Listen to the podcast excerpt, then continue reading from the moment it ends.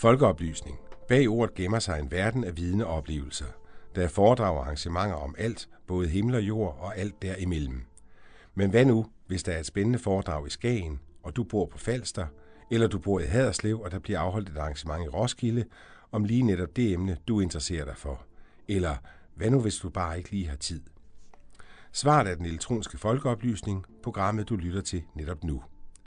Vi drager land og rige rundt for at dække foredrag og andre spændende arrangementer, så du ikke går glip af noget. Du får mulighed for at høre hele foredraget eller arrangementet, og du kan få en marketerning, vores skarpe journalistiske sammendrag. Det hele kan du finde på vores hjemmeside efolkeoplysning.dk og på vores Facebook-side, som også hedder efolkeoplysning. Her følger så et af vores programmer, som er et arrangement i fuld længde –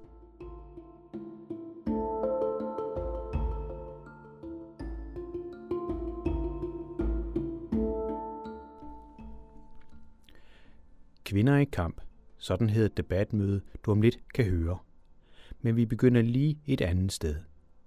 Nogle af jer lyttere kan måske huske DR's serie Mor af Major, som var meget populær tv-serie i 1985. Kort fortalt spillede serien på fordommen om, at kvinder, der ikke egner sig som soldater. Meningen var naturligvis det modsatte, men serien havde aldrig haft nogen gang på jorden, hvis det ikke dengang var en fordom om, at kvinder ikke rigtig egner sig til et liv i forsvaret. Meget er sket siden Jesper Kleins serie havde sin sejrsgang, men selv i dag er det for få kvinder i forsvaret.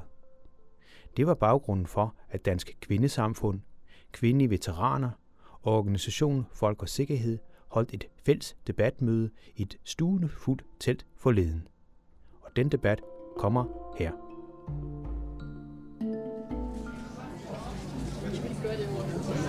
God eftermiddag. Mit navn er Christina Salkvist.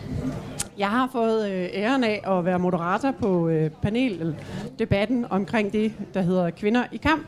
Det er rigtig spændende. Det er kvindelige veteraner, det er Dansk Kvindesamfund og Foreningen Folk og Sikkerhed, der har taget initiativ til, øh, til at drøfte kvinder i kamp og forsvars måske manglende fastholdelse af kvinder i forsvaret. Jeg vil gerne have lov til at lige kort præsentere, hvem jeg er. Jeg er hvad kan man sige, jeg hedder Anne Christina, jeg er i dag selvstændig erhvervsdrivende, men har en baggrund i forsvaret, har selv været udsendt to gange til Afghanistan. Øh, men derudover så har vi jo et rigtig, rigtig godt panel, bestående af Lotte Jæger, der er major og sidder inde ved Forsvarsakademiet i dag. Hun har en øh, baggrund, eller er uddannet også som gender advisor. Det er meget fornemt. Og har skrevet en master i... Skrevet jeg har skrevet en master i offentlig ledelse, men øh, skrevet speciale om mangfoldighed i forsvaret. Det var mangfoldighed i forsvaret. Så har vi øh, Jens Garli. Jeg fik at vide her lidt tidligere i dag, at baggrunden for, at han sidder her, det er, fordi der er lidt tøs i ham. Godt høre, hvordan, øh, hvordan vi starter debatten allerede. Og så har vi øh, Jens øh, har en fuldstændig traditionel baggrund i forsvaret. Startede som menig i 1982 og har ellers fulgt den slagende vej op på Socialskolen, på officerskolen og er i dag øh, det, der hedder chef for hjemmeværnet. Så har vi Susanne Lund. Susanne Lund, hun øh, er ligesom mig, opvokset med en far, der ikke troede på, at kvinder kunne være i forsvaret. Øh, og Susanne er i dag oberst ved Veterancenteret og har fokus på at sikre de, der har været udsendt, øh, øh, det at de både bliver sendt godt ud, men også kommer godt hjem. Men derudover har en af motivationsfaktorerne i øh, Susannes liv været lige netop, at faren ikke troede på, at kvinder hørte i forsvaret. Men øh, Susanne har bevist det modsatte. Længst øh, ude til højre har vi Marie Sem, som er uddannet sociolog, og som den eneste faktisk ikke har en baggrund i forsvaret. Hun er dog i dag ansat på Forsvarsakademiet. Nej. Jeg har været ansat i Forsvarsakademiet. Jeg er ikke længere. Du er ikke længere ansat. Det var det sidste opdaterede CV, jeg fik. Sorry. Men øh, hvad laver du i dag? Jamen, der... altså i relation til det her, så kan jeg sige, at jeg er næstforkvindelig i Forening for Kvindelige Veteraner og har et andet arbejde, som ikke har så meget med forsvaret at gøre. Men øh, jeg var ansat i seks måneder i en projektstilling i øh, Forsvarsakademiet, hvor jeg arbejdede med øh, ligestingsfremmende tiltag. Det var sådan, det var. Tusind tak. Velkommen til. Jeg synes allerede nu, de skal have en hånd for at stille op. Det er nærmere sig 30 grader herinde.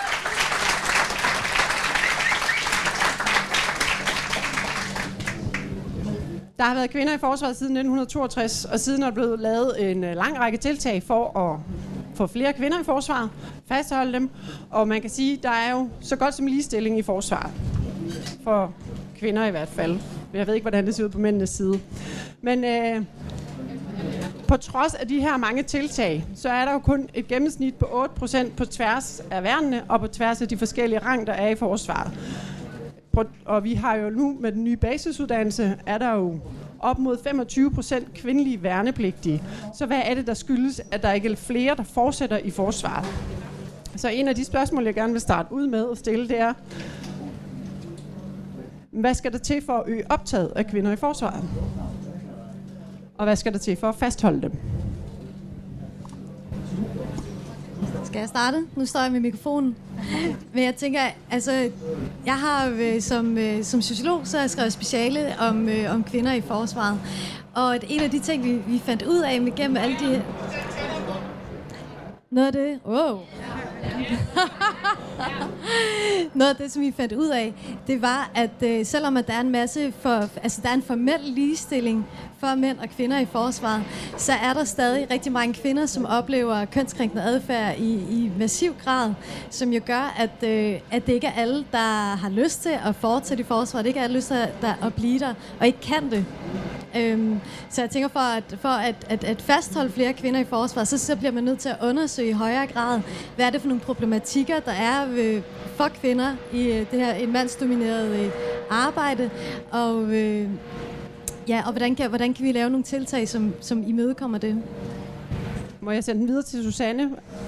Nu kom der lige ind omkring det her med, at der var øh, massiv kønskrænkende adfærd i forsvaret. Jeg vil gerne lige have lov til at lukke den en lille smule, men så høre, hvad mener du, der skal til for at øge optaget af kvinder i forsvaret? Det interessante er jo, at øh, der har været kvinder i forsvaret. I, jeg har været snart 30 år i forsvaret, og øh, det, det har hele tiden ligget på omkring de her 7 procent. Så der, så der skal jo helt klart gøres noget. Øh, det er et faktum, at forsvaret har fået en øget bevilling i forlidet, og vi skal have flere soldater ind. Så derfor så skal vi have de dygtigste unge mennesker ind, vi kan få. Og øh, der er 50 procent kvinder. Så vi skal have fokus på at, at få kvinderne ind, fordi kvinder kan noget til forsvaret øh, af i dag. Og øh, hvorfor det er, vi ikke har flere, tror jeg, der er rigtig mange forskellige grunde til, og det, det vender vi jo tilbage til, øh, hvorfor det er, at, øh, at kvinderne ikke øh, er i forsvaret i så stor stil. Men, men der er ingen tvivl om, at vi skal som forsvar have fokus på at få kvinder ind, fordi, fordi kvinder, de kan noget øh, til forsvaret. Øh, så det skal være min indledende replik til det. Tak for det, og tak for introduktionen. Jeg er faktisk ikke så lidt stolt af, at der er lidt kvinde i mig. Så jeg håber, jeg kunne tælle med i statistikken, så vi kommer op på 7,1 procent, hvis, øh, hvis jeg tæller med. Så tak for det. Øhm, jeg deler lidt øh, Susannes synspunkt her. Jeg er grundlæggende stor fortaler for, at vi skal være åbne for hele talent- og motivationsmassen, der er blandt unge mennesker, der er ind, ind i forsvaret, og for vores tilfælde i, i hjemmeværende. By the way, vi har cirka 17, snart 18 procent kvinder i hjemmeværende, som det ser ud i øjeblikket, så der er i hvert fald noget der, hvor vi måske kan, kan udveksle nogle erfaringer.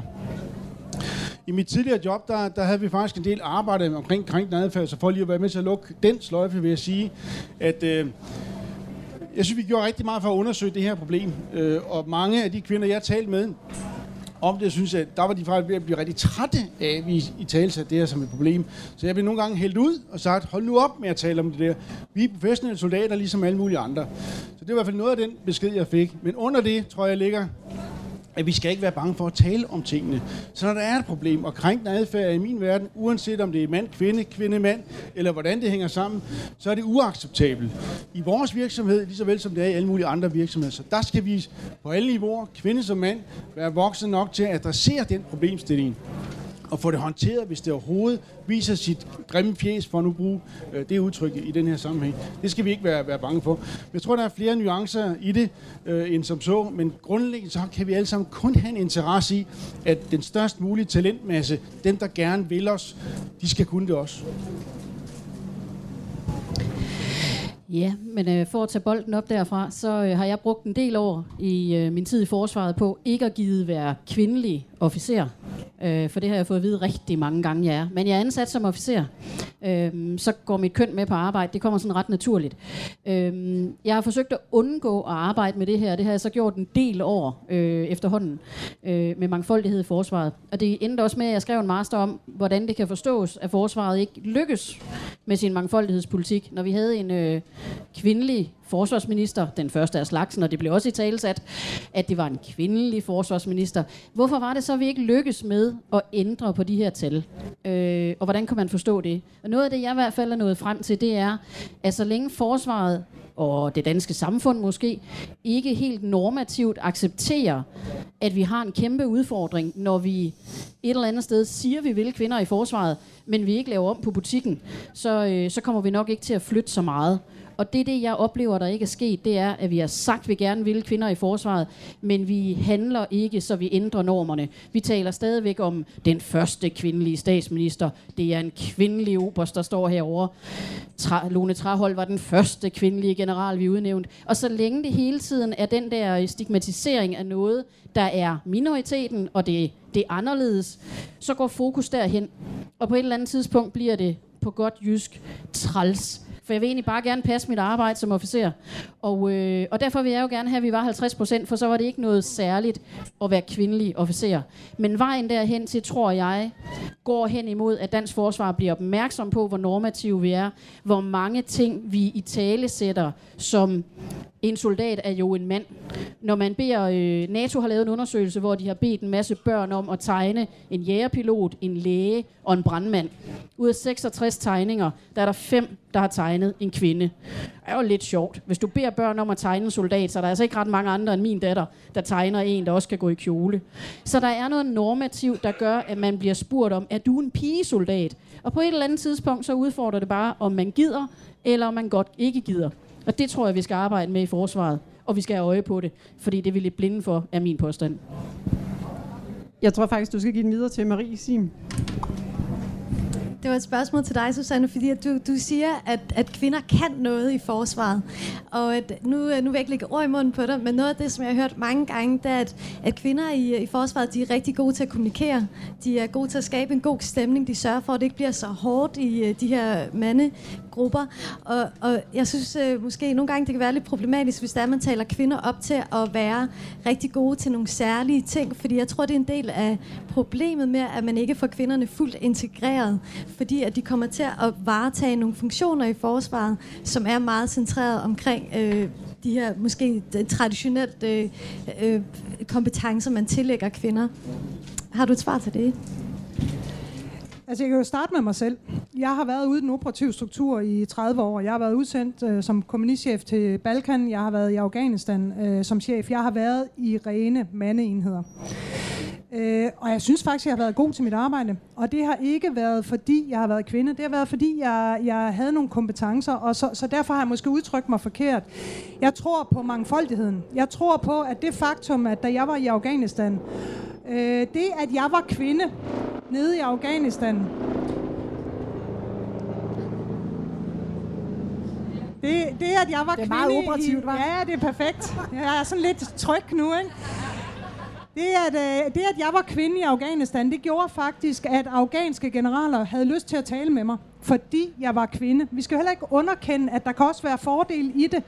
At komme til et land, der er, der er meget øh, traditionelt anderledes end os, der har en anden kultur, og så anvende det, øh, det aktivt. Det, der er det vigtige, og det, der er hovedbudskabet, det er, at vi har brug for mangfoldigheden.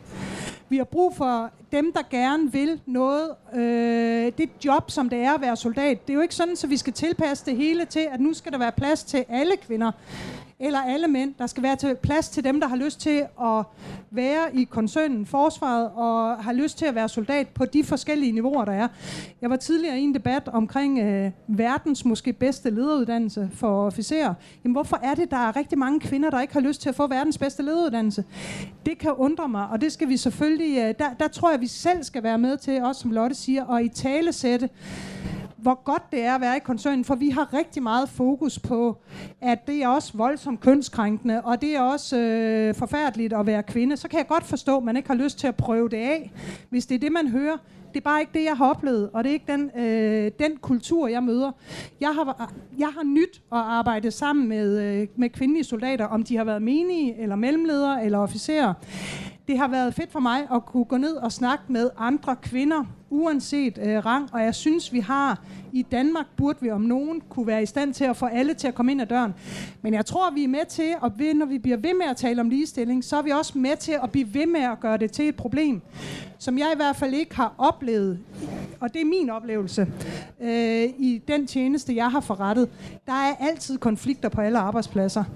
Men vi skal passe på ikke at tale noget op, sådan så det ender med at blive øh, ikke produktivt i forhold til at få flere kvinder ind i forsvaret.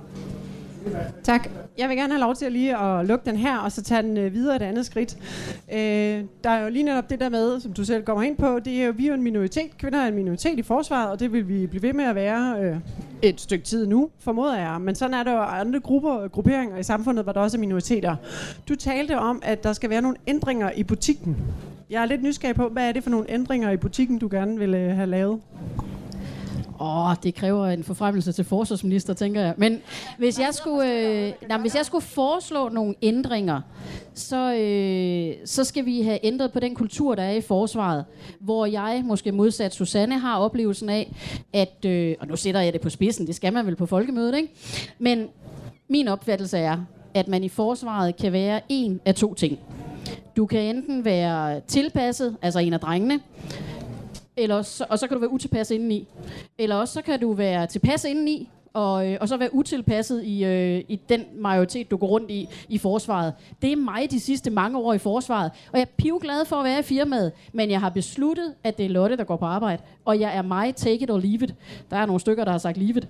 Men det korte af det lange er, at hvis vi har et firma, hvor vi med en mangfoldighedspolitik siger, at vi vil kvinder i forsvaret, men vi i hverdagen, og det er det, jeg oplever, og det er det, mit studie viser, og nu har jeg også læst det studie, du har skrevet, det viser også, at der er rigtig mange kvinder, der oplever, at hvis de ikke kan lide lugten, tonen, stemningen i kampvognen, så får de at vide, så kan de finde et andet sted at være. Og det matcher jo ikke en politik fra 2011, der siger, der skal være plads til alle, at hverdagen så er noget andet.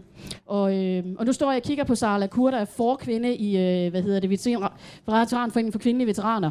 Og jeg, jeg lå mærke til et kommentarspor på Facebook her for et par dage siden, omkring den her debat, vi står i, hvor der er en, øh, en veteran, der skriver, hvorfor skal vi have en, øh, en veteranforening for kvindelige veteraner? Og det spørgsmål kunne jeg godt have stillet Sara for to år siden, hvor jeg ikke rigtig kendte hende. Indtil jeg for et år siden sad til den stiftende generalforsamling og oplevede dem, jeg sad i lokale med. Der oplevede jeg folk, kollegaer i forsvaret, der har fået kampskader af den kultur, de er omgivet af.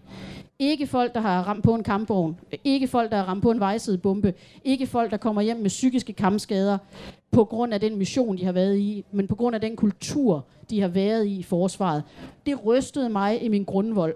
Og det synes jeg, at vi bliver nødt til som organisation at tale om. Og det er jo noget af det, Foreningen for Kvindelige Veteraner puster til. Og, øh, og den debat, tænker jeg, er vigtig. For det tror jeg er et blindt punkt for en stor del af vores organisation. Så det skal vi gøre noget ved. Jeg tænker, Jensen står sådan helt stum herovre. Jeg ved godt, Susanne har markeret, men jeg kunne helt vildt godt tænke mig lige at høre en uh, mands holdning til det her. Eller, sådan. Til hvad for noget er det? Bare du ved til det hele. Jo, men jeg tror, jeg vil vende lidt tilbage til det, jeg sagde før. Altså, uanset hvor sådan noget finder sted, det som, som Lotte indikerer her, så er det ikke acceptabelt. Uanset hvordan, altså, vi skal behandle hinanden ordentligt. Og jeg synes, jeg er ligeglad med, hvad farve du er, eller hvad tøj du er på. Jeg vil helst have de bedste medarbejdere, og dem, der er, dem skal vi godt nok tage os ordentligt af. Og måske særligt i vores branche, fordi vores opgave er ultimativ. Vi skal kunne stole på hinanden, vi skal faktisk holde af hinanden så meget, så vi er klar til at ofre vores liv for hinanden. Uanset hvad køn vi er, og hvad for en baggrund vi ellers kommer med til den opgave, vi har i forsvaret. Så det er mit udgangspunkt for, når jeg rekrutterer folk til det, hvor jeg er nu. Jeg har rekrutteret kvindelige topledere også, det er sgu ikke fordi, det har stået på stillingsopslaget. Det er fordi, jeg har gået efter den bedste kandidat til det, jeg skulle bruge. Og heldigvis var der en kvinde, øh, der var, der var på toppen af den øh, hvad hedder det, proces. Så det synes jeg faktisk er, er rigtig, rigtig vigtigt, at vi husker det og brede problematikken en, en lille smule ud. Og så tror jeg simpelthen, at vi er nødt til at prøve at kigge til, nogle, hvad gør andre lande? Der er jo andre lande, der har mere succes med at øge antallet af kvinder i deres respektive forsvar. Øh, jeg, jeg har ikke indblik i, hvordan de gør, men jeg kan se, når jeg kommer ud rundt omkring, at der, der er det mere naturligt, og det er ikke kun på høje poster, som er det gode, lysende eksempel. Det er også flere soldater på alle mulige forskellige niveauer. Det er jo der, jeg synes, det, det er også lidt det, du siger, det er jo der, vi skal hen. Så det bliver helt naturligt, at vi bruger hele vores talentmasse til også at bemande forsvaret og hjemmeværende, naturligvis. Det ved jeg ikke. Jeg tror, det er Marie, du har markeret lidt til mange ting. Ja, men øh, jo, jeg, jeg synes, det, det er jo rigtig sjovt. Alle der, alle, der står heroppe, er jo enige om, at kvinder øh, hører til i forsvaret og, øh, og, og kan de ting, en øh, soldat kan. Men der er jo de her problemer alligevel. Og jeg tænker, at et af de problemer for, at vi kan gøre noget ved det, det er, at øh, vi skal vide, hvad vi taler om. Og der er faktisk ikke øh, lavet nogen undersøgelser i, øh, i, i for, om forsvaret, om udbredelsen og karakteren af kønskrænkende adfærd i forsvaret siden 2003. Og den undersøgelse, den øh, viste, at en tredjedel af militært ansatte i forsvaret, de er udsat for kønskrænkende adfærd. Øh, det var en tiende del øh, af de civilt ansatte, så der var altså en, en, en ganske stor andel af kvinder, der har oplevet det her. Øhm, og man iværksatte jo en masse initiativer fra forsvarets side efterfølgende. Øh, jeg har så læst et notat øh, fra forsvaret, der stod, at øh, så i 2005, altså to år efter denne undersøgelse, så kunne man så øh, ændre indsatsen til at, at dreje sig mere om, om mobning i stedet for kønskrænkende adfærd, fordi at der var så få indrapport, øh, indrapporteringer af kønskrænkende adfærd. Så jeg tænker, at og det, det, det tænker jeg, det virker lidt sjovt, at det skulle være væk så hurtigt. Øh, og siden der har man jo faktisk ikke undersøgt det her problem, så det vil jeg godt vide. Altså, hvad, hvad er barrieren for, at man iværksætter en tilsvarende undersøgelse som i 2003, og finde ud af, hvad er det egentlig, vi taler om? Er problemet stadig så øh, graverende, som den her rapport viste? Eller hvad? Du må gerne svare. Udover at være chef for Forsvars Veterancenter, så sidder jeg også i direktionen i Forsvarets Personalestyrelse. Øhm, og ja, man kan da sige, det kunne da godt være, at vi skulle undersøge det. Og, og jeg synes, der, der er to ting, jeg gerne vil kommentere på det. Det ene det er i forhold til undersøgelsen. Det kan da godt være, at det er det, man skal undersøge. Og hvorfor man ikke har, øh, vi har rapporter, øh, der måske ikke lige altså konkret har været omkring det, men vi har, vi har nogen, der har kigget ind masteropgaver med videre. Har der været en formel undersøgelse? Nej. Vi har et Ph.D.-projekt, øh, der kører, hvor vi undersøger øh, ikke kampopsrelaterede årsager til, at man ender med at få psykiske skader. Og det er blandt andet kønskrænkende adfærd. Der er 630.000 forskellige kombinationsmuligheder i forhold til at få PTSD. Det, der skal være for at få PTSD, som eksempel, det er, at der skal være et traume. Men det kan godt være kønskrænkende adfærd, men det kan også være 628.998 andre kombinationsmuligheder, der udløser, at, øh, at man bliver psykisk skadet. Og det at, øh, at være kvinde og udsat for kønskrænkende adfærd er en af de her øh, elementer. En anden ting i forhold til det, jeg vil sige, det er, jeg er lidt træt af, at vi bliver gjort til ofre Øh, jeg har taget en øh, kvindelig major med, øh, som, som, som simpelthen bare gerne vil over og have lov til at sige, hvorfor er det, vi skal fokusere på... Øh, jeg synes, det er fint, vi har en debat, men skal det være det, der fylder? Fordi vi, hvis det skal ændre sig i forsvaret, så skal vi have omkring 30 procent kvinder ind i forsvaret, så vi ikke længere er en minoritet. Så længe vi bliver ved med at sige, at hver eneste kvinde, der kommer ind i forsvaret, hun bliver i øvrigt kønskrænket, og hun bliver ikke ligebehandlet, og alt det her. Jeg har ikke oplevet det. Og jeg har haft konstabler, og jeg har haft mellemledere, og jeg har nyt at gå ned og tale med dem, også selvom jeg har været officer, fordi det har været fedt at have kvinder i min enhed. Og der er rigtig mange, der ikke har oplevet det. Der er også nogen, der har oplevet det, men vi vælger jo selv, hvilken approach vi vil have. Og vi kan godt gøre det her til et kæmpe problem i forsvaret, og så får vi aldrig flere kvinder ind. Jeg tror på, at den eneste måde, vi kan løse det her, det er ved at få en masse kvinder ind. Og ved ikke at tale om det. Og ved at få... Nej, vi skal tale om det, men vi skal ikke gøre det til problemet, fordi der er både... Altså, at, hvem har patent på sandheden? Jeg har været 30 år i forsvaret, og jeg har haft en fantastisk tjeneste. Jeg har haft Line med, som har haft fantastisk tjeneste. Og, og de, de eksempler er der også. Så jeg siger bare, at der, det er ikke alle kvinder, der bliver kønskrænket dem, der bliver kønskrænket, og dem, der bliver behandlet skidt, der er fuldstændig på linje med Jens. Der skal vi gøre noget ved det. Det er ikke acceptabelt, og det er det, fordi det er ikke acceptabelt, uanset om det er en kvinde eller det er en mand, der bliver udsat for det her. Så skal vi ikke acceptere krænkende adfærd. Tusind tak, Susanne. Ja, du nævnte du selv, øh, altså det er jo rigtigt, det skal ikke accepteres. Kønskrænkende adfærd er jo noget skidt, uanset på hvilken type arbejdsplads det foregår. Men øh, du nævnte selv et beløb, der hedder 30 procent, eller ikke et beløb, men en procentsats om at få 30 procent kvinder ind. Og der vil jeg helt vende tilbage til starten. Jamen, hvad skal der til? Altså udover, at vi skal selvfølgelig acceptere, at vi skal ændre forsvarskultur. Men hvad er forsvarskultur? Og, og det, er jo, det er jo også det, der er interessant i denne her. Fordi hvis vi går rundt og siger, at alle kvinder, der kommer ind, de er med det samme en minoritet, og de bliver behandlet anderledes, man bliver sendt over på sit eget værelse, og man får lov til at gå i bad på nogle andre tidspunkter, altså så sker der jo en differentiering allerede på kønnet, den dag man starter. Men jeg, jeg søger nogle helt konkrete tiltag til, hvordan får vi flere kvinder ind i forsvaret. Værnepligtige, der møder i dag, og kvinder med værneret, de bor på kvarterer med mændene. Og om de bader sammen eller ikke bader sammen, det finder de faktisk selv ud af. Altså det er jo en af de tiltag, som vi har gjort i forsvaret, netop for at sige, når man er soldat, altså når man er ude i en krigsmission eller ude i en, en international operation, og der ikke er bad til mænd og kvinder, så bader man sammen. Øh, så, så der er sket nogle tiltag. Er det godt nok? Nej, fordi så var der flere kvinder inde. Men, det, men man må også acceptere, at det er en arbejdsplads. Man skal jo kunne lide at gå til soldat. Man skal kunne lide øh, at være væk fra sin familie i et halvt år. Vi skal også være realistiske i, at det her det kommer nok til at tage tid. Fordi det er et... Der er mere og mere kamplarm. Det bliver. så, man, øh, så vi skal også acceptere præmissen om, at man skal ville arbejdet. Så det er jo ikke kun fordi, at, at der ikke er kvinder nok, fordi der er kønskrænkende adfærd. Det kan også være, fordi der er nogle kvinder, der ikke har lyst til at være soldat.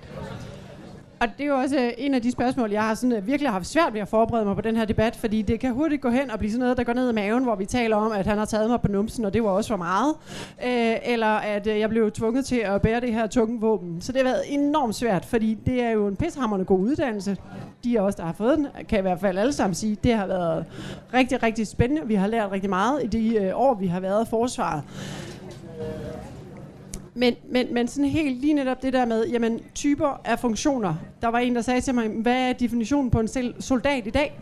Er en soldat en mand i uniform med et våben? Eller er, er han, eller er han, hun? skal defineres som noget helt andet. Altså, hvordan er forestillingen af en soldat anno 2018? I fremad andre. Øh, hvad hedder det?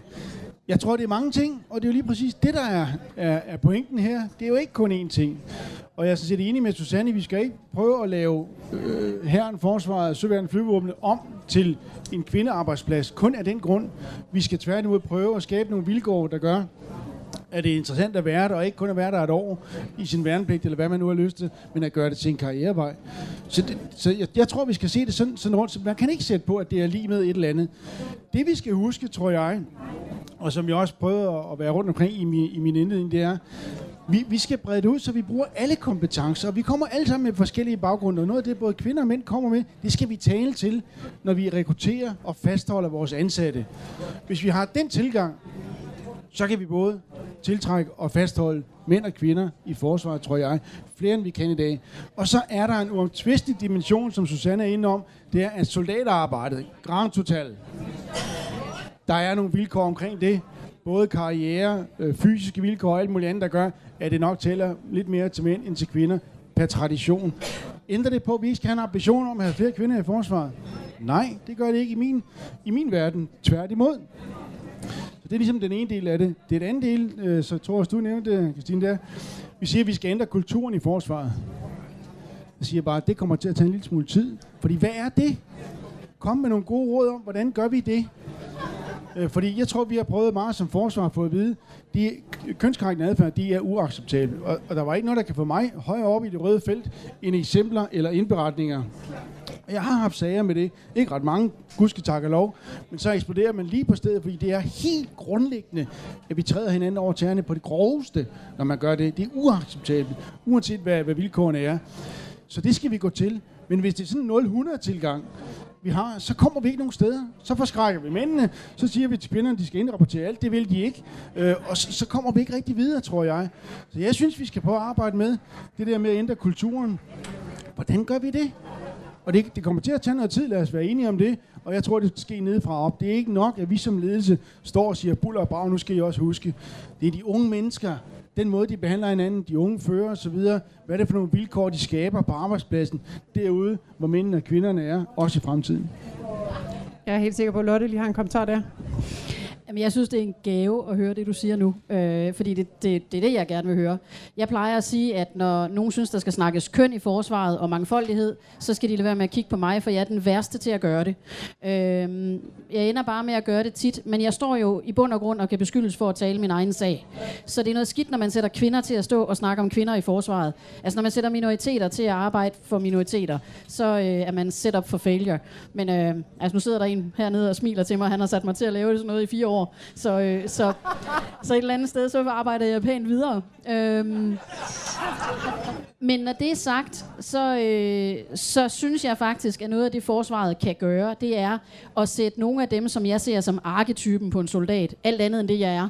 Nogle, der er to meter høje, lige så brede over skuldrene, tribal tatoveret, skaldet og går i sådan noget tøj ligesom det her. Og så er det dem, der står og siger, at vi skal have kvinder i forsvaret, ligesom Jens gør. Så er det dem, så er det dem, der står på sidelinjen, når der bliver sagt noget krænkende om en kvinde, og siger, det der vil jeg som kollega ikke høre på.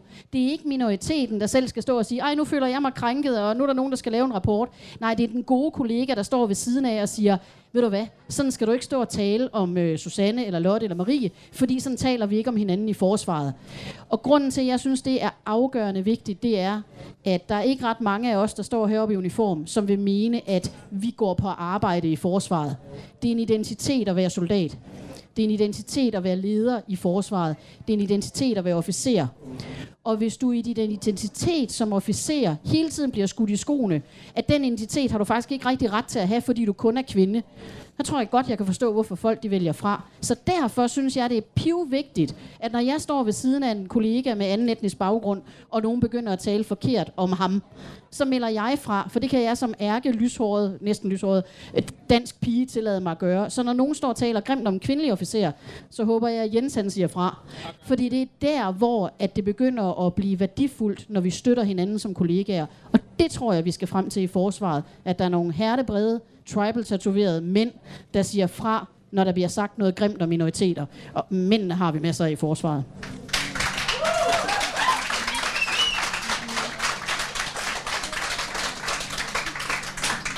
Jeg håber, jeg har taget notater til de kommende stillingsopslag til hertebrede mænd og sådan noget. Ja, helt sikkert.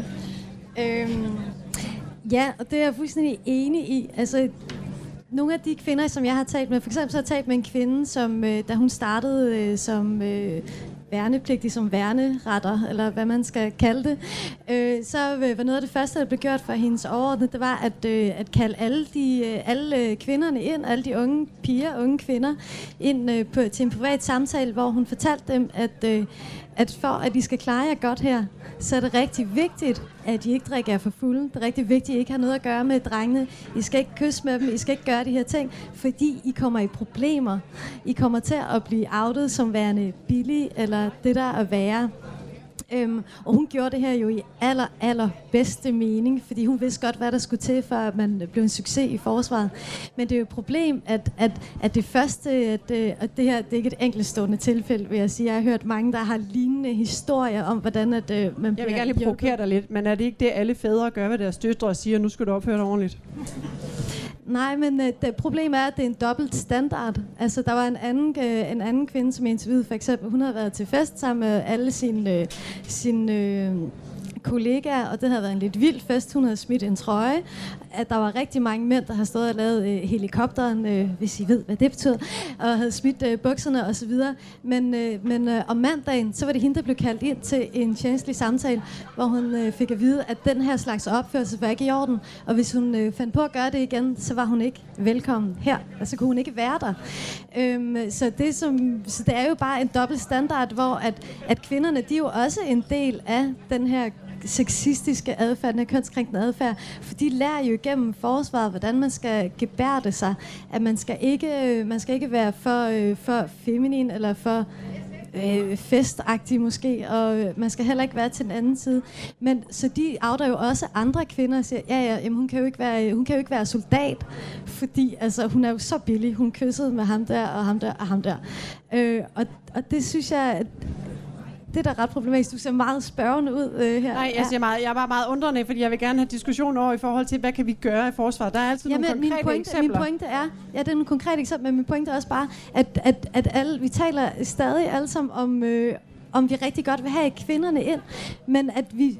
Jeg Vi vil, gerne, vi vil rigtig gerne have kvinder i forsvaret, eller det ved jeg ikke, ikke mig personligt i hvert fald, men øh, jeg er sikker på, at øh, der er nogen fra øverste, to, øh, hvad hedder det, forsvarets øverste ledelse, der rigtig gerne ser flere øh, kvinder i forsvaret. Det kunne nemlig tænkes have øh, en større øh, med, eller hvad hedder det, positiv indflydelse på forsvarets forankring i samfundet, hvis vi fik flere kvinder i forsvaret. Og noget af det der, det er også kulturbetinget, det er også kønsbetinget, kvinders opførsel, og det er jo ikke kun forsvaret, det er ikke mig, der skal gå og stå og diskutere her, men Ej, jeg vil rigtig gerne have, have bolden tilbage på banen, hvor vi siger, hvad vi snakker om tiltag og kvinder i kamp. Hvad er det, vi helt konkret kan gøre, og hvad for en positiv indflydelse vil det have? Eller tænker I, at det vil have en positiv indflydelse på forsvarets forankring i civilsamfundet, hvis vi fik flere kvinder i forsvaret?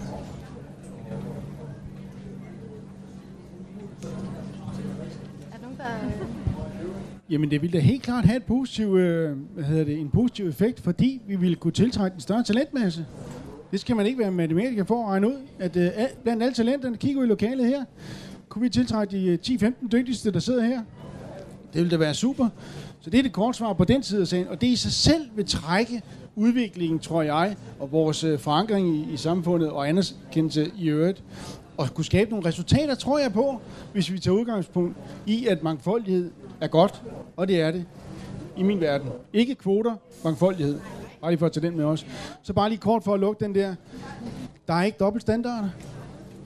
Det kan godt være, der har været et eksempel på det, men, men, men øh, uanset hvad, for at vende tilbage til det, jeg sagde før, hvis der er en ansvarlig ledelse, der opdager, der har været en eller anden hændelse, så uanset hvem, der har startet, hvad der har gjort, så må man forholde sig til det. Hvordan undersøger I det? Det ved jeg ikke. I en konkret situation, hvis der bliver indrapporteret en sag, nu kan jeg sige noget af det, jeg har haft, så, øh, så, så bliver der lavet, hvis der er en sag i det, så vil man jo først som ansvarlig, den lederen på det nærmeste direkte niveau, gå ned og tale med de mennesker, hvad er der sket. Hvis der så er udsigt til, at der er sket noget, og der er sket noget alvorligt, så har man forskellige værktøjer. Man kan øh, hvad hedder det, kontakte auditørkorpset, altså vores anklagemyndighed. Så kan der være en formel øh, strafferetslig undersøgelse af det her forhold i forhold til militær straflov, etc. Eller det kan være en civil sag, hvis, der, hvis det har været voldsomt. Det har jeg selv oplevet eksempler på. Øh, så, så den vej kan man jo gå, en formel vej. I første omgang vil man jo altid tage fat i de implicerede parter og finde ud af, hvad skete der her? Og det er jo der, man skal være voksen nok, uanset hvem man er, til at sige, hvad man har oplevet. Og det er der, kulturen skal være, er det er i orden, at man siger, hvad man har oplevet. Og det sidste er nok det vigtigste i min bog. Susanne? Skal vi give den til Henrik dernede? Jeg har lige lov, lovet vores øh, radioband lige at sige, at vi har Marie Sim og Susanne Lund, chef for Veterancentret, Jens Garle, chef for Hjemmeværnet, og Lotte Jæger med jord på Forsvarsakademiet til stede i dag. Og nu øh, vil vi tillade, at øh, chefen for Forsvarsakademiet, han lige kommer med et par kommentarer. Jamen, jeg vil bare sige, øh, der er to ting, der slår mig. Øh, det er jo ikke sådan, at vi ikke har nogen undersøgelser. Øh, vi, vi har jo øh, arbejdspladsvurderinger, hvor der er et helt stort afsnit omkring øh, sexikane og mobning og alt muligt andet, hvor man kan sige, at øh, det følger vi jo op på i koncernen, lige så vel som Susanne siger, der er en PhD. Så det kan godt være, at vi ikke har en videnskabelig undersøgelse, der er i gang hele tiden, men vi har jo løbende undersøgelser, også med ledelsevalueringer, hvor vi følger op på det. Og det indikerer i hvert fald heldigvis, at vi har en, øh, en, øh, en grad af chikane, som ligger under øh, gennemsnittet i Danmark. Lige så vel som vi har et øh, frivilligt korps af det, vi kalder øh, KA-rådgivere, altså folk, der rådgiver omkring krænkende adfærd. Ikke kun sexkrænkende adfærd, men alt muligt, inklusiv mobning og stress og alt muligt andet. Så vi gør jo rigtig, rigtig meget, men det ændrer ikke ved, at det, der foregår nede i kampvognen, det ser vi tit heller ikke som ledelse og hører ikke noget om det. Og det er jo nogle af de ting, vi forfølger. Men der var en anden ting, der slog mig, som jeg egentlig vil stille jer et spørgsmål om. Fordi nu, øh, Christina og Susanne, nu sagde I jo, at I kom ind i forsvaret, øh, fordi at jeres fædre øh, egentlig øh, prøvede at overbevise jer om, at øh, vi ikke havde kvinder i forsvaret. Og øh, jeg var tidligere i dag til et, øh, et øh, fint arrangement, hvor en tidligere soldat, der kom øh, styrket hjem for, for et par missioner i Afghanistan, sagde, at det havde altid været hans drengedrøm. Og i forhold til at få 30 procent af piger, øh, kvinder ind i forsvaret, så tænker jeg selv, hvordan skaber vi den øh, pigedrøm om at være soldat, ligesom rigtig mange drenge gerne vil være brandmand og politimand, og nogen vil også gerne øh, ind i forsvaret. Jeg synes, øh, nu Susanne skal have lov til at svare. Jeg tror jo, at øh, det der, det er jo hovedet på sømmet i problemstillingen. Det er, jeg var så heldig at få lov til at komme ud og undervise på min øh, datters øh, i hende første G-årgang på Roskilde Katedralskole. Og der spurgte jeg de her øh, 100 af første G'er, hvor mange vil gerne være soldater. Har tænkt på det. Og der var, der var ikke ret mange, men der var nogen, og det var alle sammen drenge. Jeg holdt en times oplæg, og så spurgte jeg dem igen, hvor mange af jer kunne nu godt tænke jer at være soldater? Og der var i hvert fald 50 kvinder. Så det handler om oplysning. Det handler jo om, at den der, øh, den der drengedrøm, som det jo er, det er også en del af den kultur, der er i samfundet. Det har ikke noget med, med forsvaret at gøre, det har noget med, med, med samfundet stadigvæk. Der er stadigvæk mandearbejdspladser og kvindearbejdspladser, og vi skal være, som forsvar skal vi være rigtig, rigtig gode til at kommunikere om alle de fantastiske muligheder, der er. Øh, som jeg nævnte før, verdens bedste videreuddannelser måske, og, og alle de andre øh, gode og tiltag og gode uddannelser, man kan få, men, da, men der er en kulturting, og der, det er der påfaldende, at man kan sidde på Roskilde Katedralskole, og så er der ikke en eneste pige, der tænker, jeg vil faktisk gerne være soldat. Og det er 30 år senere, end at, øh, at jeg startede øh, som soldat. Så der har vi en kæmpe opgave for os, og det er jo ikke kun forsvaret, kan man sige. Så der kommer vi jo faktisk frem til en af de der konkrete tiltag, der skal til for at få flere kvinder i forsvaret. Det er jo oplysning, og oplysning er jo svært i de her dage, hvor vi I kom, kommer til at kæmpe med alle mulige andre arbejdspladser og uddannelsesinstitutioner om at væve. Øh, og så er der det her med, vi har talt om kultur, og det at være i forsvaret. Det er jo ikke kun, altså det er jo en kultur, men den danske kultur ligger jo også i, at 80 ud af hvad kan man sige, 100% kvinder, det interesserer sig for tyld og noget, der er lyserødt. Og så er der sådan nogle tosser som Susanne og jeg, der synes, det er sjovt at løbe rundt med, med våben og lege med drengene. Så, så det er jo også det, man måske er op imod. Så det er jo ikke kun den kønskringende adfærd, der er afgørende for, hvorvidt kvinder kommer i forsvaret eller ej. Øh, Susanne?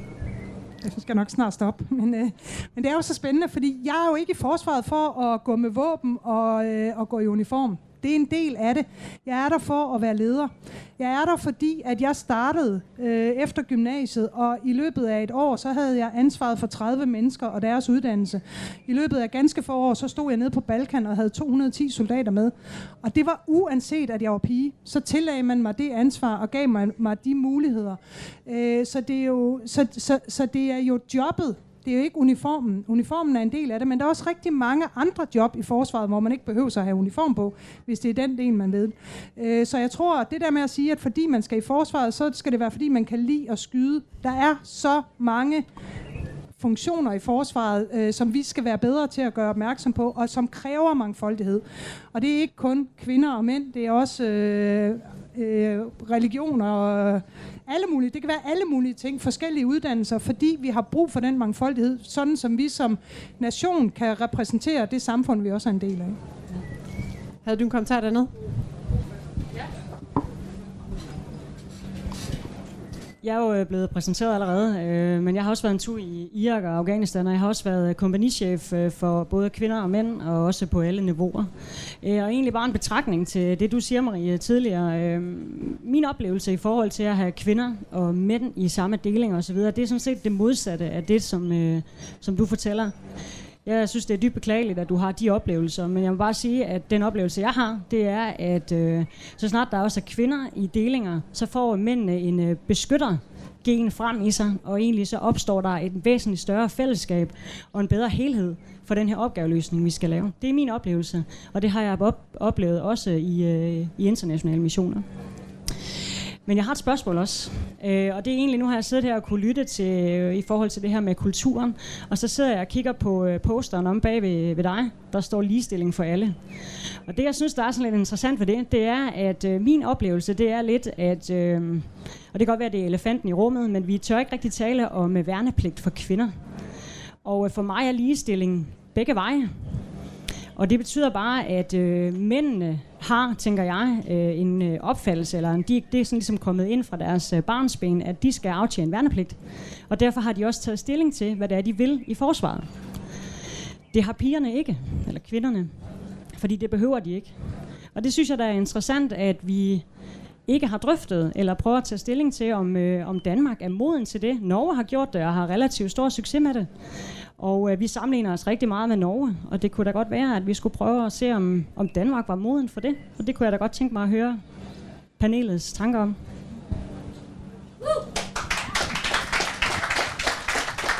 Jeg synes, det er interessant. Nu stjal du en af mine sidste spørgsmål, men øh, det er helt okay. Så får vi da gang i den debat. Hvad siger du, Lotte? Jamen, jeg siger ligesom dig, at øh, mange af de oplevelser, man får i internationale operationer, viser, at øh, samarbejdet på tværs af kompetencer gør en bedre opgaveløsning. Det er også min erfaring. Jeg har også nogle andre erfaringer, der ikke er lige så positive, men samlet set er jeg jo smadret glad for at være i firmaet, ellers var jeg her ikke endnu. Øhm, og det bliver jeg nok ved med at være. Men når det er sagt, så vil jeg også gerne have den der grundlovsændring, der gør, at vi kan få øh, lige ret på værnepligt. Men det kræver en grundlovsændring, og det, øh, det er så et niveau over hvis vi lægger det hele sammen, dem, dem der står heroppe i dag, at vi skal have nogle ministre til at ville det her. Og, øh, og der tror jeg måske ikke, at Danmark er moden til det, som, øh, som nogle af vores broderlande har gjort. Og, øh, og, og den kan vi jo så sende videre til politikerne, men øh, ja, der er stadigvæk ikke helt ligestilling i det der kongehus, og kan vide, om forsvaret kommer før kongehuset. Øh, men jeg synes, det ville være mega fedt, og det vil, øh, det vil trække den rigtige retning i forhold til ligestilling i forsvaret. Jeg har kun én kommentar, det er jeg fuldstændig enig. Og jeg er også enig.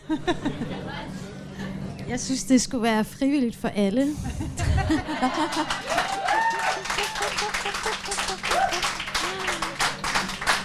Og jeg vil lige fremhæve, at jeg har...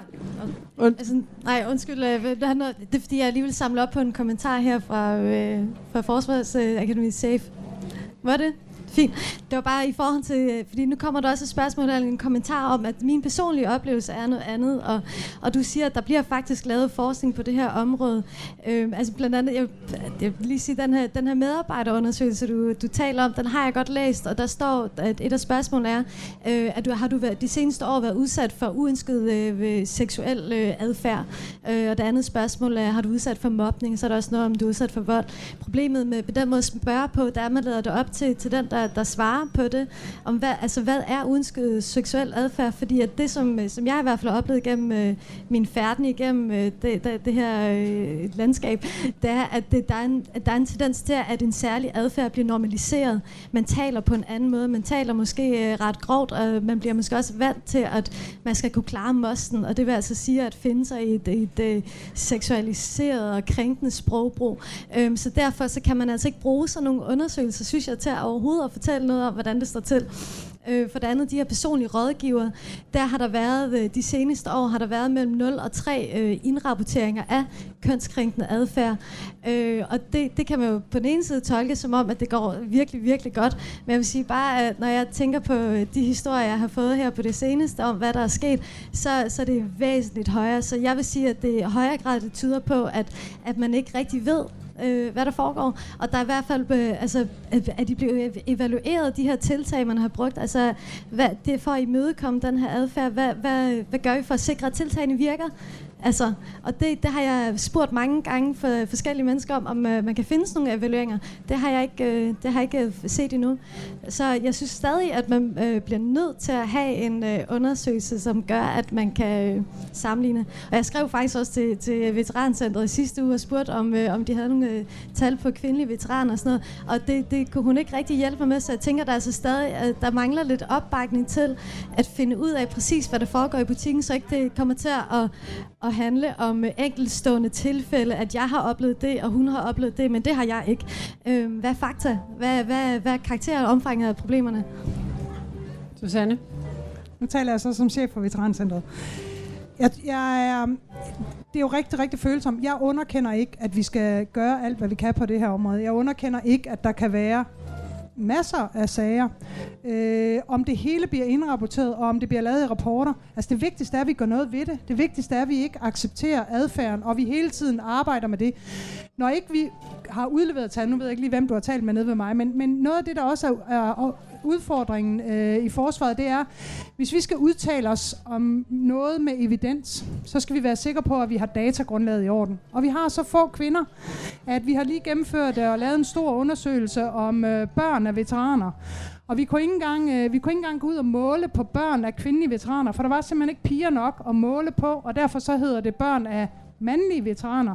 Og det, og det er da ærgerligt, men, men det handler også om, at hvis vi siger noget, så skal vi også være sikre på, at det vi siger er korrekt. Og det betyder grundlæggende, at vi skal have nogle flere kvinder ind, altså, så det bliver mere normaliseret, så det bliver lettere, fordi det bliver rigtig meget værdiladet, og det bliver rigtig meget, hvad vi hver især har oplevet. Og, og det er jo der, hvor, hvor jeg, jeg ikke underkender, at der kan være en masse oplevelser. Men vi bliver nødt til at få nogle flere kvinder ind, så det bliver mere normaliseret. Det er det, der er en af udfordringerne, synes jeg. Jeg vil gerne have lov til, nu var det ikke længe før vi åbner op for spørgerunden. Der er allerede mange fingre, der begynder sådan at, at løfte sig i vejret. Men et, et sidste spørgsmål, så må du svare bagefter, Lotte. Vent lidt. Øh, det er det her med, jamen, øh, hvad, er, vil der være noget vejen for at gennemføre en ny KKA-undersøgelse? Det er trods alt 15. Ja, kønskrænkende adfærd. Den blev gennemført i 2003 og viste, at 33 øh, procent af de militære ansatte kvinder, de har været udsat for noget, der havde krænket øh, deres køn. Så hvad skulle der være i vejen for at gennemføre den og lave endnu en opfølgning, eller ikke øh, endnu en, men bare en opfølgning på at se, hvad er status i dag, og hvad kan man så arbejde videre med derfra? Jeg synes ikke, der er noget i vejen for at gennemføre den. Jeg synes, det vil være det, jeg, som jeg tror, det var LO, der sagde det om dansk forsvar i 2003, at de vidste ikke, om det var modigt eller dumdristigt, at forsvaret lavede undersøgelsen dengang. Jeg synes, det var sundt. Jeg synes, det ville være interessant, hvis man lavede den samme undersøgelse, men for alle ansatte i forsvaret. Fordi der kan jo godt sidde rigtig mange kollegaer og have de samme oplevelser, som nogle kvindelige eller andre minoriteter i forsvaret sidder og har. Og det jeg synes, og det var en derfor jeg havde fingrene i vejret, det jeg synes, der var særlig interessant, da jeg fik undersøgelsen tilbage i 2003, det var ikke, at jeg blev spurgt om, om jeg havde set porno på min arbejdsplads, om der var nogen, der havde klappet mig i røven til en julefrokost, om jeg havde hørt sexistiske vidtigheder eller de andre, jeg tror det var 133 spørgsmål, hvor de sidste sluttede med fuldbyrdet voldtægt. Det var ikke det, der var interessant, at spørgsmålene eskalerede, og hvad der blev spurgt om. Det, der var interessant, det var søjle nummer to. Og det var der, hvor jeg blev spurgt om, om jeg synes, det var krænkende. For der kan være pokker til forskel på, om jeg synes, det er krænkende at sidde på kontor med Jens, der har en screensaver med nøgenbilleder. Det rører ikke mig, men det rører måske en anden kollega, mand eller kvinde. Det kan godt være, at der er nogen, der synes, det er super fedt med strip til en julefrokost. Det er der andre, der bliver dybt krænket af. Og der er bare forskel på os. Og der synes jeg, det er vigtigt, at man spørger, okay, har du oplevet det her? Og hvordan oplevede du så, det skete? Både mænd og kvinder. Jeg vil bestemt ikke have noget problem med en ny undersøgelse. Det vil jeg lade op til dem, der har, har mere forstand på det end jeg. Men screensaver! Nu tror jeg, at øh, vi er, der er tid til spørgsmål, og vi starter med, at øh, Sarla Kur, som er formand for Kvinde for Veteraner. Ja, jeg ved, at det, øh, jeg er forkvind for kvindelige veteraner, som bliver sagt her. Øh, jeg øh, ved, at det, øh, og øh, jeg, det, jeg er vildt opmuntret over, at, det er, at vi snakker kultur og så videre, fordi det er jo totalt meget en kulturændring, der skal ske, fordi det er den her øh, legendariske jargon, øh, værkstedshumor, øh, som jo ofte er, øh, det er jo egentlig ikke, øh, at man får en kommentar, det er omfanget af kommentaren, øh, som, er, som ofte kan være det, der øh, er belastningen. Øh, det, som, det, som jeg ikke kan lade være med at tænke, det er, at øh, Susanne, du siger, at vi ikke skal snakke så meget om det her med kønskrænkende adfærd, at det, øh, det gør, at kvinder ikke kommer ind i forsvaret, eller at det gør, at de skram, skræmmer dem væk. Men for mig at se, så er det lige præcis det, vi er nødt til at gøre. Vi er nødt til at snakke og anerkende, at der er et problem. For, for at anerkende, at de kvinder, når det er, de kommer hen til deres leder og siger, hey, jeg har en udfordring, så at lederen siger, ved du hvad, jeg anerkender dig, og jeg kan se, der er et problem, fordi det her det er en struktur. Det her, det griber jeg ind for. Jeg tror faktisk, at det, som der vil være, altså for at komme med nogle konkrete, så skal det være en ledelse, der siger nul tolerance det her, det, det her, det går vi 100% ind på. Vi laver vidensoplysning. Vi siger, det her, det, det er, hvad det er, der er kønskrænkende adfærd. Fordi det det, jeg møder i mit arbejde. Det er, folk ved ikke, hvad det er. Folk ved ikke, hvad kønskrænkende adfærd er.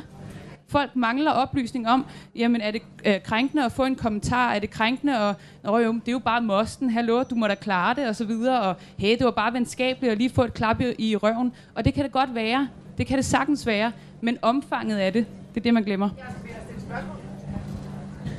Du vil ikke stille et konkret spørgsmål? Jeg vil give en kommentar. Det var en kommentar. Godt.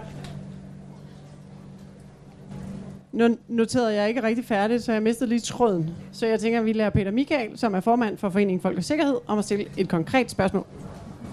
Først nogle kommentarer, og så et spørgsmål. Godt. Første kommentar, det er til dig, Marie øh, rådet, man får som kvinde, når man starter i forsvaret, om man skal lade være med at kysse med drengene osv. Prøv at høre, det gælder ikke kun forsvaret. Det gælder over hele erhvervslivet.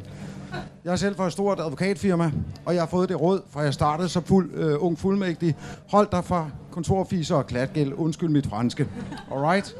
Øh, jeg er i dag gift med en kollega i øvrigt, så... Uh, det andet, jeg vil sige, det er kvindelig værnepligt. Og øh, indfaldsvinkelen til kvindelig værnepligt, det var ligestillingsdebatten.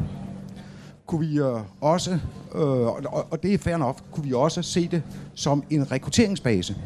Sådan, at hvis man øger indtaget, hvis man indfører kvindelig værnepligt, øger indtaget af kvinder, så får vi flere kvinder i forsvaret, og bum, så har vi lige pludselig en kønsfordeling, sådan at problemet næsten løser sig selv. Og den sidste bemærkning, det er lige øh, til øh, øh, grundlovens paragraf 81, går jeg ud fra, at du henviser til. Der står godt nok mænd, men grundloven er fra 1849. Grundloven fortolkes grundlovskonformt, og mænd i 1849 er mænd og kvinder i dag. Det er den overvejende opfattelse blandt juridiske professorer, det vil jeg bare sige. Så øh, rekruttering, øh, vil det medvirke til en forbedret rekruttering af kvinder, hvis man indfører kvindelig vandpligt? Du var ude at tælle det spørgsmål, der blev stillet tidligere, tror jeg. Så det har vi svaret på. Det, det er bare ærgerligt.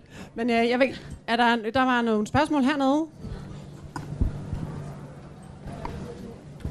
Hej, mit navn er Christian. Jeg er kaptajn i herren. Jeg er udsendt to gange, og øh, alle gange har jeg været udsendt med kvinder. Og den forhistorie, jeg lige kommer med nu her, det er fordi lige om lidt, så stiller jeg ud, hvor det blæser, og stiller lidt kritisk spørgsmål. Øhm, jeg var udsendt to gange. Begge gange har jeg lagt mit liv i hænderne på kvinder, på homoseksuelle, på øh, anden etnisk herkomst, og øh, på mænd i øvrigt også. Det har jeg været ganske tryg ved. Det rører mig ikke. Jeg har været stolt af at være udsendt, også med kvinder og med andre minoriteter. Ikke desto mindre, så står jeg også lidt som mand og bliver ærligt talt nogle gange lidt provokeret. Og det gør jeg, fordi at man som mand i forsvaret, et system jeg elsker, holder meget af, nærmest per definition er mandsjournalistisk. Jeg savner nogle gange, at mine kvindelige kollegaer har mod til også at sige, der gik det over stregen. Ikke lad det blive for mange gange, som, som Sara nævner. Og det ansvar ligger ved dem. Det ligger ikke ved mig. Mit spørgsmål er det her. Kunne vi ikke godt tillade os at stille det krav til de kvindelige soldater også?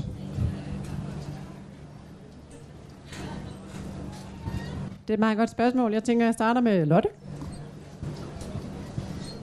Nej og ja. For jeg synes, du og jeg som kollegaer kan stille det krav til hinanden som kollegaer. Det har jo ikke noget at gøre med, hvad køn vi har. Det er jo det, vi skal kunne som kollega. Vi to, vi skal i krig sammen, måske. Vi kunne have været i krig sammen. Og der skal vi stå skulder ved skulder. Og der skal vi kunne stole på hinanden. Og derfor skal vi jo være enige om i forsvaret, at man kan stole på sine kollegaer. Og så er der nogen, der siger, så har vi taget uniformen på, så kan vi skralde alt andet af. Det kan vi jo bare ikke alligevel. Men jeg tænker, at det skal ikke være et spørgsmål om, at kvinder som minoritet, eller folk med anden etnisk baggrund, eller folk, der er veganer, eller hvad det nu kunne være, at de, fordi de er minoritet, har et særligt ansvar. Nej, vi har et andet, særligt ansvar over for hinanden som mennesker, især fordi vi forvalter et voldsmonopol, og vi i bund og grund skal leve af, at vi ikke skal dø sammen. Så jeg synes ikke, det er et ansvar, du kan lægge over på minoriteten. Det er et ansvar, vi som kollegaer har over for hinanden, og det er en helt anden snak. Og så er jeg helt enig med dig i, at når man oplever noget, så øh, når vi har den uddannelse, vi har, så skal vi kunne rejse os op og så sige, det her, det var over grænsen, og den stopper første gang.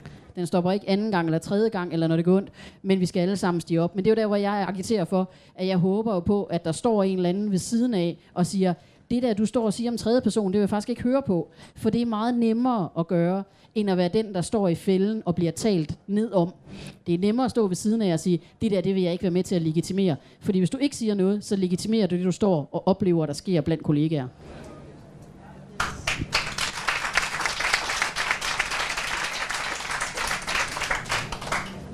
Jeg vil bare øh, dels erklære mig enig, og også henvise til noget af det, jeg sagde tidligere. Det starter ved kulturen.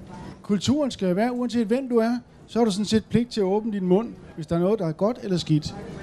Og det er jo, det er jo den kultur, som vi skal arbejde med, som jeg sagde tidligere. Og der tror jeg ikke, der er noget quick fix her. Men det ændrer ikke på, at man som ledelse, og vi har lige hørt, at vi har verdens bedste lederuddannelse. Måske. Måske. Øh, hvad hedder det? Den får at stå sin prøve. Det er jo en del af det ansvar for alt, hvad der foregår i din enhed, uanset hvad niveau du måtte være på, at sørge for, at kulturen i din enhed rent faktisk er af anno 2018. Det er mit kort svar. Så der er ikke enten eller ansvar, der er både og, men i sidste ende, så er chefen, lederen, føreren, uanset køn, ansvarlig for den kultur, der er i enheden. Og hvis der er noget, der går galt, så skal der gribes ind. Og det har vi nogle værktøjer til, og det får vi en uddannelse i i øvrigt. Spørgsmål?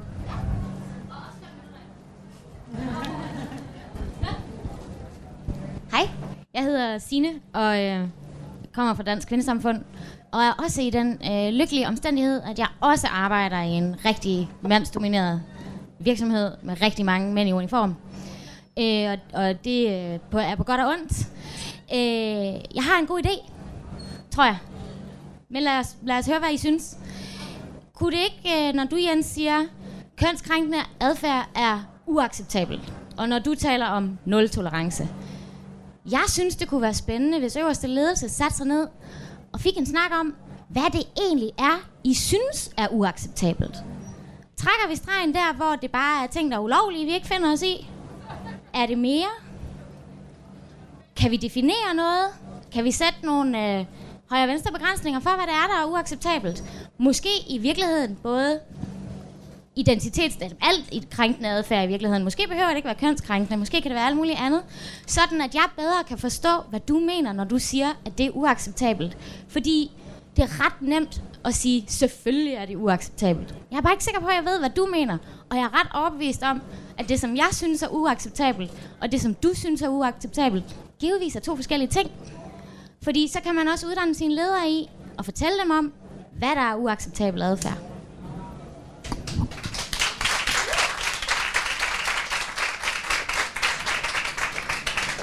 Jamen, må, jeg, må tror, jeg lige komme til at, eller lige følge med på den her, fordi det ja. er jo meget, det er jo lige nok, det er jo fuldstændig subjektivt, hvad det er, der er krænkende fra person til person. Og mange andre virksomheder har jo ligesom en personalehåndbog, hvor der står, at man må ikke knalde med kollegaen, og til julefrokosten, der skal chefen gå hjem inden kl. 22, for at der ikke skal ske noget, noget slemt. Så der er jo nogen, der kan arbejde med at definere de her grænser for, hvordan vi omgås hinanden som køn. Det amerikanske forsvar har blandt andet nogle, øh, nogle retningslinjer for, hvordan deres køn omgås, når de er udsendt, hvad de kan og må med hinanden og, og ikke. Og måske var det lige netop det, der skulle gå ind og arbejdes med, så man kan definere rammerne, fordi så er det også lidt nemmere at være leder, og så er det lidt nemmere at være menig og sige, her er grænsen, og det står der også i bogen, det må vi slet ikke tale om det her. Ja, du tog lidt øh, brød ud af min øh, mund, var jeg lige ved at sige, men, øh, men det korte svar til dig, det er, nej, det er ikke interessant, hvad jeg tænker her. Det er interessant, hvad mine medarbejdere tænker, så hvad du tænker. Hvornår du bliver krænket, det er jo det, der er interessant. Og sammen med dine kolleger så kan vi jo sammen definere her i butikken, fordi vi skal jo adressere problemet, inden det bliver til kønskrænkende adfærd. Og jeg nægter at skrive tykke bøger om, hvad der i hjemmeværende er kønskrænkende adfærd. Det ved de jo bedre end mig ude i den spids ende. Tror jeg. Men hvis det opleves som værende kønskrænkende, så uanset hvad der måtte stå i sådan en bog, og jeg er ikke tilhænger af den amerikanske manual, uden at kende den, men jeg op, det jeg i hvert fald hører, det er, det er ekstremt reguleret ekstremt reguleret. Så både kvinder og mænd føler jo, at de har fået håndjern på i deres, øh, i deres optræden. Men lad det nu ligge.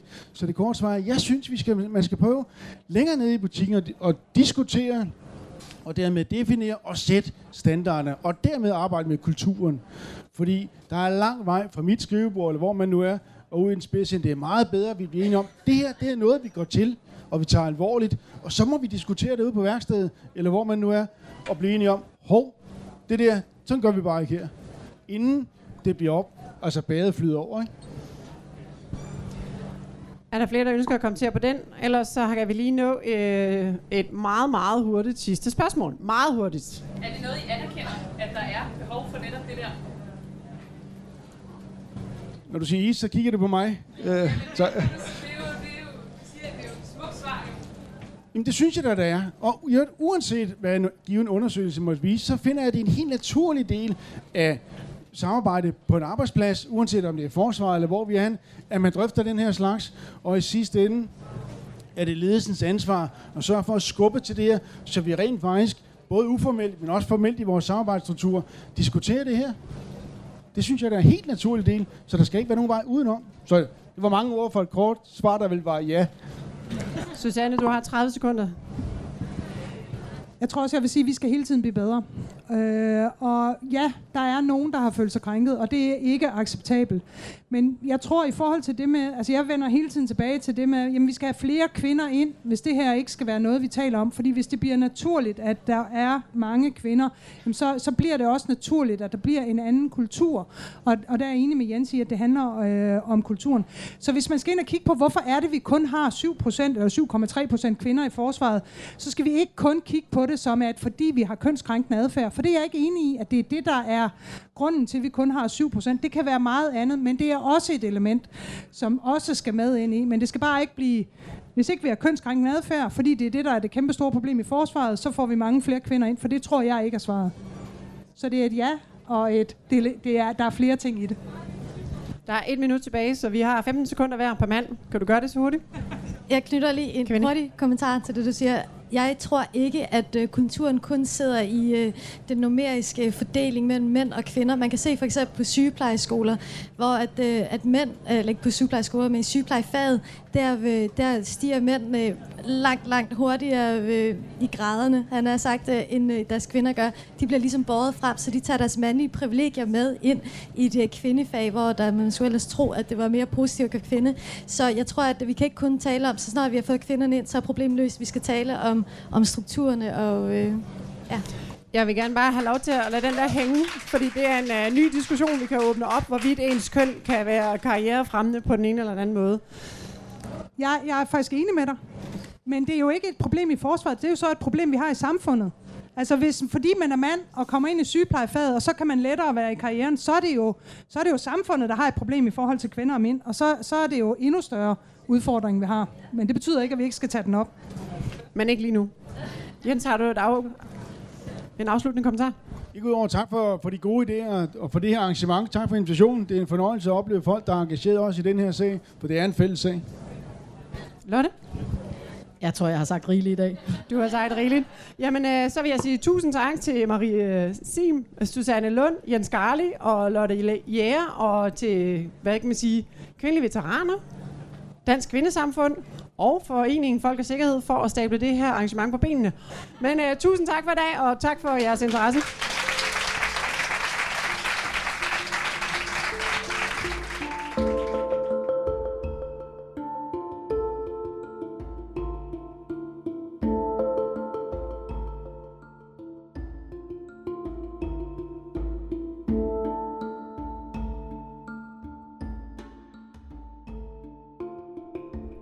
Har netop hørt debatmødet Kvinder i kamp om forsvarets problemer med at få kvinder ind i forsvaret og især at fastholde den.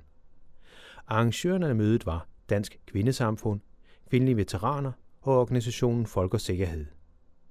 Moderator var anne Christina Salkvist, som er bestyrelsesmedlem hos netop Folk og Sikkerhed. I panelet sad Jens Garli, som er generalmajor og chef for hjemmeværnet, major Lotte Jæger Bank Nielsen fra Forsvarsakademiet, Oberst Susanne Lund, som er chef for Veterancentret, og Marie Sim, som er uddannet sociolog og næstforkvinde hos Kvindelige Veteraner.